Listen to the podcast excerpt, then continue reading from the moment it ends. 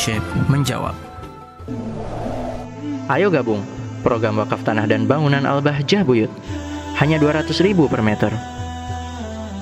Assalamualaikum warahmatullahi wabarakatuh. Waalaikumsalam warahmatullahi wabarakatuh.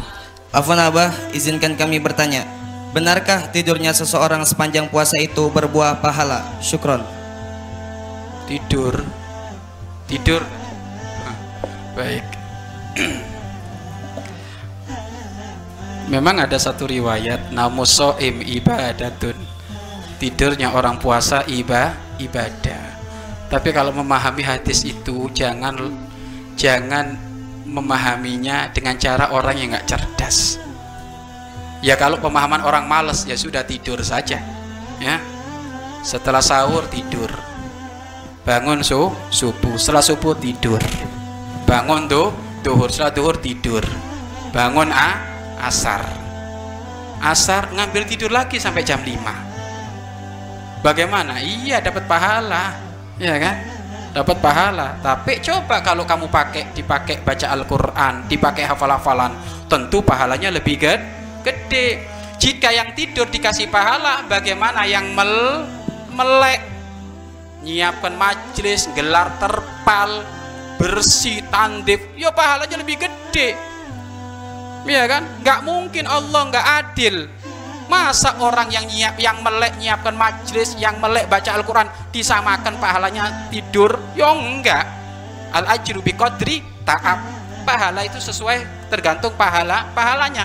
Semakin kamu capek, sudah lapar, haus, tapi kamu masih aktivitas, aktivitasnya adalah sesuatu yang bermanfaat untuk kepentingan kebaikan, maka ini pahala di atas paha, pahala. Betul tidur di waktu puasa termasuk adalah sama dihukumi ibadah. Lebih-lebih kalau ternyata melek itu ibadah di atas iba, ibadah.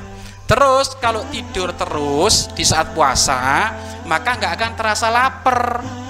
Mana kita hikmah yang bisa diambil dari puasa? Bukannya hikmah yang diambil dari puasa itu apa? Belajar kita itu lapar dengar bunyi perut kerucuk-kerucuk itu akhirnya mikir ya Allah orang melarat kayak gini kayaknya Nah, sehingga apa? Kalau melihat orang melarat, akhirnya hatinya tersentuh, mudah berderma, mudah bering, berinfak.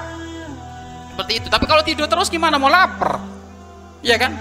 Tapi ketahuilah, tidurnya orang puasa nggak bisa lama, ya kan gitu. Tidur terentang, berat, karena keroncongan perutnya, maka nggak lama-lama tidurnya orang orang orang yang yang puasa itu tidurnya nggak bisa lama itu. Maka hadis tersebut jangan difahami fahami saklek gitu saja akan tapi fahami mafhum mukhalafanya kalau nggak tidur tentu pahalanya lebih gede. Asal tidak tidurnya melakukan hal yang ba yang baik. Kalau nggak tidurnya nggak tidur tapi maksiat ya percuma ya.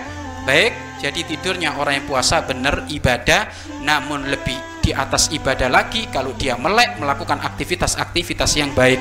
Wallahu a'lam bissawab Mari berinfak untuk operasional lembaga pengembangan dakwah Al-Bahjah Buyut.